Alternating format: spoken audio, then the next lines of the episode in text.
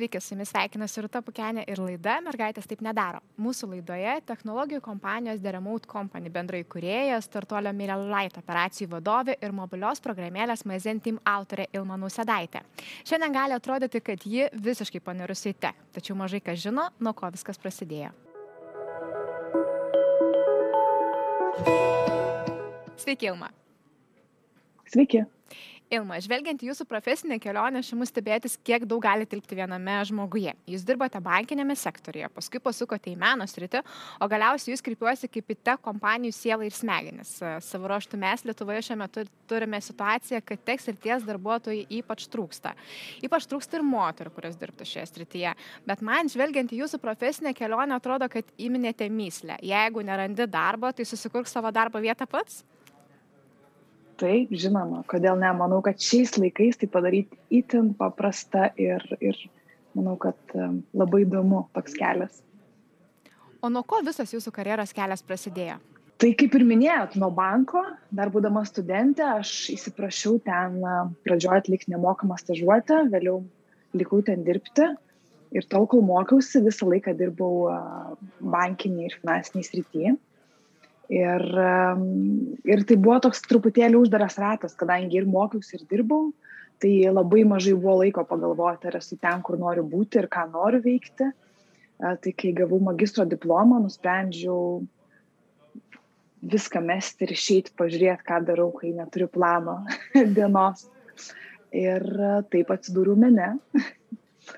O dirbdama mene pradėjau vis labiau naudoti internetinės technologijas Ir manau, kas labai svarbu suvokti, kai mes sakom tech, tai skamba labai rimtai ir skamba labai taip, a, labai dažnai mes kalbam, kad yra tik programuotojai arba daugelio žmonių iš šono taip suvokia, ar ne.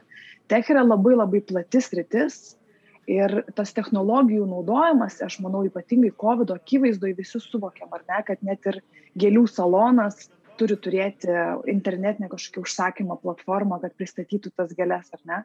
Tai lygiai taip pat būtent per meno prizmę aš pradėjau dirbti vis daugiau su skaitmeninė rinkodara, aš pati pradėjau rašyti blogą, um, siūsti naujienlaiškius ir va taip nepastebimai galiausiai atsidūriau visai technologijų srityje, o menas liko tas rytis uh, ir tas mano meilė yra aistra, bet, bet nebe verslas. Man labai patiko jūsų mintis, kad mes esame linkę vos sutikto žmogų iškart įsprausti tam tikrus darbinės veiklos rėmus. Turbūt kalbant apie persikvalifikavimą ar įgūdžių pritaikymą, visų pirma, reikėtų išmokti, kad kiekviena patirtis praturtina ir galiausiai prisideda prie to, kas esame šiandien, tiesa?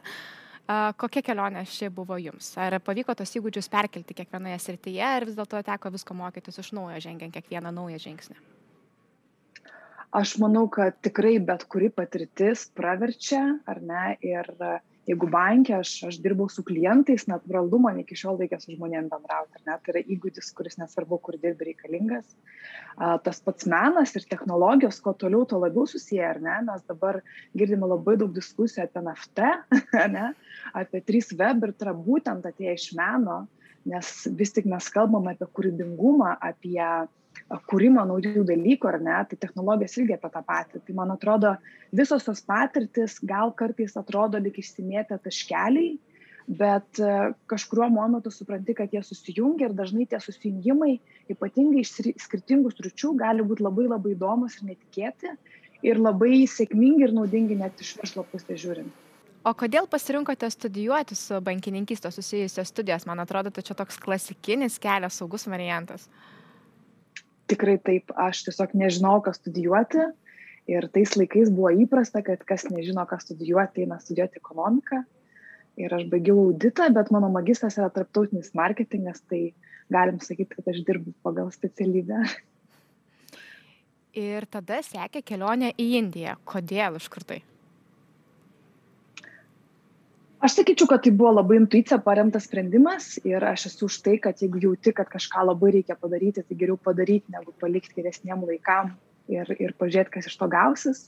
A, tai mano atveju kadangi labai daug metų bėgau tokiame rate ir darbe ir mokslai tai nusprendžiau kad save pažinti yra geriausia ir paprasčiausia kai esi ekstremaliose sąlygose nes aš galiu bet ką šiandien jums pasakoti, bet kaip iš tiesų yra, ar kaip aš reaguoju, kai atsitinka kažkokie įvykiai aplink mane, ar ne, tai aš galiu pati pamatyti tik tada, kai vat, tokią situaciją susikūriu. Ir man pasirodė, kad Indija yra ta šalis, kur tikrai atsitiks daug netikėtų kažkokių atsitiktinumų ar ne, ar iš principo net nelabai žinai, ko tikėtis ir net nelabai žinai, kaip pats ten elgsies, ar kokius žmonės sutiks ir panašiai, gyvūnus. Tai va, tai aš nusprendžiau, kad aš išvažiuosiu mėnesį be plano į šalį, kurioje norėčiau, kad grįžtų mano intuicija ir aš buvau teisi, ji grįžo labai greitai, nes tokiam sąlygom būtent ji yra tai, kas, kas leidžia tau greitai priimti gerus sprendimus ir nėra vietos tam overthinkinimui, kurį aš jau buvau pratus daryti, kai ir mokais ir dirbi, sakykime, ypatingai finansiniam sektoriu. E, suprantu, kad tikrai radote įkvėpimą, nes grįžus į Lietuvą įkūrėte meno klubą, organizavote meno renginius ir keliones. Nebuvo baisu taip nerti visiškai naują sritį, pradėti visiškai viską nuo pradžių. Kaip su šiomis baimėmis kovojate? Aš manau, kad Indija tai buvo ta, ta kelionė, kurioje supratau, kad tu gali užsimti bet kuo. Uh, ir, ir jeigu tuo užsiemi, reikia tiesiog eiti all in ir žiūrėti, kas iš to gausis ar ne. Ir kad pasaulis yra labai platus, labai spalvingas. Ir manau, kad būtent ta patirtis ir netgi kelionės metu sutikti žmonės ir buvo ta stiprybė tokia, kad jeigu aš kažko labai noriu ir tikiu, reikia padaryti. Ir, ir kadangi tai prasidėjo nuo tokios mano aistros, kad aš pati visų pirma norėjau daugiau sužinoti apie šalikinį meną, tai, tai buvo labai, labai natūrali kelionė ir aš kažkaip negaišau laiko galvodama, uh, taip arba ne, ypatingai, kai tu jau esi susikūręs tą erdvę. Aš bet kuriuo atveju tuo metu a, turėjau jau tą erdvę kažką kurti, man nereikėjo a, kažkokiam kitam darbę dirbti. Ir iš meno į marketingą, o galiausiai startuolio, startuolio CEO. E, papasakokite, kaip tai įmanoma, kaip ir kodėl jūs pasukote galiausiai į technologijas. Mhm. Tai kaip minėjau, mene man ir ypatingai, kai pradedi kurti kažkokį savo verslą, uh, ir vieno žmogaus verslą. Netgi šiais laikais aš manau, kad yra būtent tas trendas, kuris labai pastimas e, ypatingai globalio rinką, ar ne, vis daugiau matome solo verslų ir labai dažnai solo verslų įkūrėjas būna moteris. E, tai jame tenka daryti viską, ar ne, nesvarbu kokia tema. E, ir tas viskas reiškia, kad tu darai website, tai reiškia, kad tu naudojasi kažkokiais appsais, kurie padeda tau siūsti naujienlaiškį ar, ar, ar kažką dar daryti. Ir, ir taip mano ta kelionė prasidėjo į, į skaitmeninį marketingą. Vėliau po meno klubo, kurį laiką dirbau su prancūzų kolekcionieriais ir jiem tvarkiau visą jų skaitmeninį marketingą. Uh, jie turėjo ir iki šiol turi net ir internetinį žurnalą ir daug dalykų daro, ar ne? Uh, Tai visą tai pramokus, sužinojus ir, ir, ir pamačius, kaip tai vyksta pasaulyje, nusprendėm, kad aš prisijungsiu prie mūsų, dabar jau galim sakyti, šeimos verslo ir kartu su partneriu toliau vystysiu Mailer Lightą kaip marketingo vadovę. Ir kai jau žengėte tą žingsnį, atrodytų, kad jūsų karjera na, įsisuko tokiu įtin dideliu greičiu. Nauja įmonė, programėlė, knyga, kaip gyvenate šiandien? Puikiai. Puikiai ir, ir aš sakyčiau, kad labai ramiai ir subalansuotai. Bet atrodytų atsakomybė iš tiesų turite įtin daug, kas padeda išlaikyti tą balansą. Manau, kad tai, kas um, toks įdomesnis faktas apie mūsų įmonės visas, ar ne, yra tai, kad mes jau aštuonerius metus dirbam nuotoliniu būdu. Ir aš tikiu, kad būtent tai labai padeda išlaikyti tą balansą ir nepamesti savęs. Šiuo metu aš su jumis kalbu iš palangos, ir mes šiais metais priemėm sprendimą čia persikraustyti su šeima. Ir tai labai padeda, iš vienos pusės mes užimti, kai atsidarome kompiuterį, iš kitos pusės aš jį galiu uždaryti ir po kelių minučių vaikščioti palei jūrą. Ir tie tokie paprasti kasdienybės ritualai labai padeda grįžti ir prisiminti, kur tu esi ir ką tu čia darai ir kodėl. Ir manau, kad tai padeda tiek man, tiek mano kolegom, nes visi jie gyvena ten, kur mano, kad jiem gyventi yra smagiausia ir iš ten jie dirba. Tai manau, kad a, tai labai, a, tai kaip čia, tą harmoniją išlaikyti a, leidžia. Kaip tik norėjau klausti, ką galėtumėte patarti tiems, kurie tik pradėjo dirbti nuotoliniu būdu. Jūs įmonė, kaip jau minėjot, na ilgą laiką tai propaguoja. Ar turėtumėt kažkokių patarimų, kurie tikrai veikia realybėje? Tai labai plati tema ir man tiesą sakant, mes tai darom labai labai senai ir, ir man toks labai netikėtumas, kad netikėtai visi tapo nuotoliniu būdu dirbantis. Manau, kad reikia pripažinti, kad vis tik uh, toks darbas ne visiems priimtinas. Yra žmonių, kuriems tikrai yra daug smagiau būti ofise, apsuptam žmonių, nuolat brainstormint ir panašiai.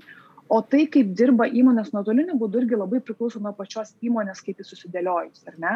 Tai, pavyzdžiui, mūsų atveju mes darėme taip mažai online susitikimų, kaip įmanoma. Ir tai takoja tai, kad mano kolegos yra išsimėtę per 40 šalių, per 14 laiko zonų ir tu supranti, kad turi būti labai rimta priežastis, kodėl mes e, susiskambinsim ir kažkas kelsis. Penktą ryto kažkas eit mėgoti vidurnaktį ar ne. Tai mūsų atveju ir aš pati, kuo, kuo labai, manau, kad yra kaip čia mažai apie tai kalbama, tai aš manau, kad labai svarbu savybė ir gebėjimas yra mokėti rašyti ir, ir rašymas, surašymas savo idėjos, o nebūtinai išpasakojimas, ar ne, labai padeda daug racionaliau ir su daugiau argumentų susidėlioti dalykus. Ir kartu šitas bendravimo būdas a, rašytinis, manau, labai priimtinas skirtingiam žmonėm. Nes ekstravertai visą laiką mielai brainstormins, bet yra intravertų, kurie norėtų, norėtų pagalvoti ir tik tada atsakyti ir pasakyti savo nuomonę. Tai aš visus labai skatinu daugiau rašyti ir pabandyti bendrauti rašytiniu būdu, nes tai atneša tau galimybę labiau planuotis laiką, nes nėra taip, kad tu visur čia ir dabar gyvai turi būti, ar ne? Ir lygiai taip pat leidžia vis tik pasigalvoti ir, ir labai argumentuotai atsakyti ir, ir sugalvoti efektyvius būdus, sakykime, spręsti vieną ar kitą iššūkį. Mm, ačiū Jums labai, labai geras e, patarimas, man atrodo, tai skirtingo temperamento žmonėms. O sakykit, kalbant apie liučių skirtumus, e, savo laidoje visuomet mėgstu moterių, kurios dirba tech srityje, paklausti, ar tai joms padarė įtaką stereotipai, mitai, kurie vyroja šioje srityje apie moteris dirbančias tech. Žinokit, niekada apie tai nesusimaščiau ir matyti tokių didelių problemų nebuvo. E, ir aš kažkaip esu nelin, nesu linkusi dalinti žmonių į lytis arba net ir tautybės. Aš į kiekvieną žmogų atskirai žiūriu kaip į asmenybę, ar ne? Ir kartu aš manau, kad labai svarbu, kad visose komandose būtų kuo daugiau skirtingų žmonių su skirtingom patirtim. Nes tai labai padeda verslui pamat, neturėti, kaip amerikiečiai sako, blind spots, ar ne?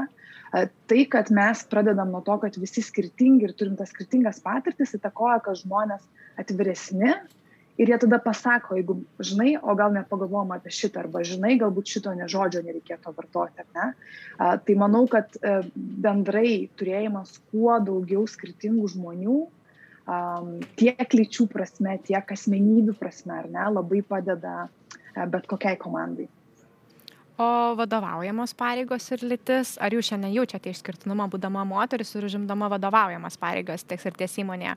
Man atrodo kad labai gerai galite palyginti lietuvos tai problema ar pasaulio turit tarptautinį kolektyvą.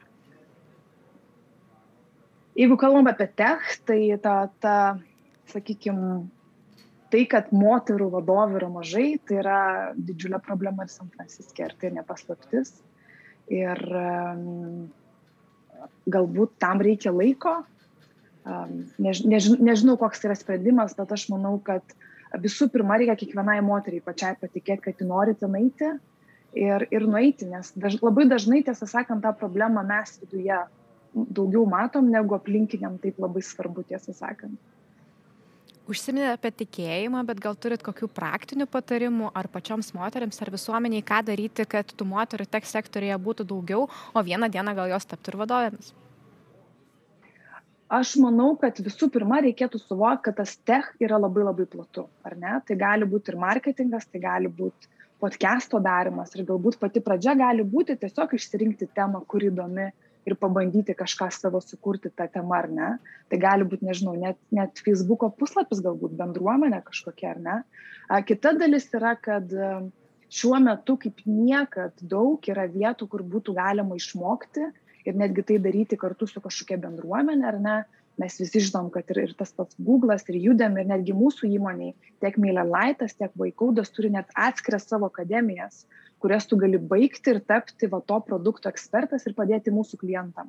Tai man atrodo dabar tų pasirinkimų yra tiek daug, reikia tik tai visų pirma priimti sprendimą, kad aš to noriu ir tada tą pačią dieną jau pradėti kažką daryti.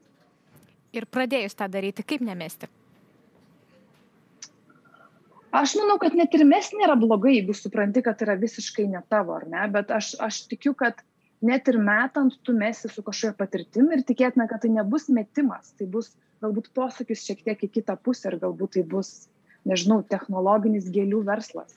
Aš sakau, man atrodo, kad yra tiek, tiek tų alternatyvų, ką gali daryti, kad tikėtina, kad nereikės mesti, tai bus įgyta patirtis ir tai bus galbūt tiesiog ėjimas toliau savo keliu ir tiek, nieko tame blogo nėra ir įgūdžiai tikrai pravers ir bus pritaikomi kitose sritise, tiesa? Tikrai, tikrai. Man atrodo, to technologijų sritis žavis, čia su pritaikomumas čia labai didelis. Žinoma. Tai ačiū Jums labai, Ilma, kad pasidalėjote savo patirtimi ir gerais patarimais, nuo ko pradėti ir ką daryti, kad sėkmingai vystytum savo karjerą tech srityje. Ačiū Jums.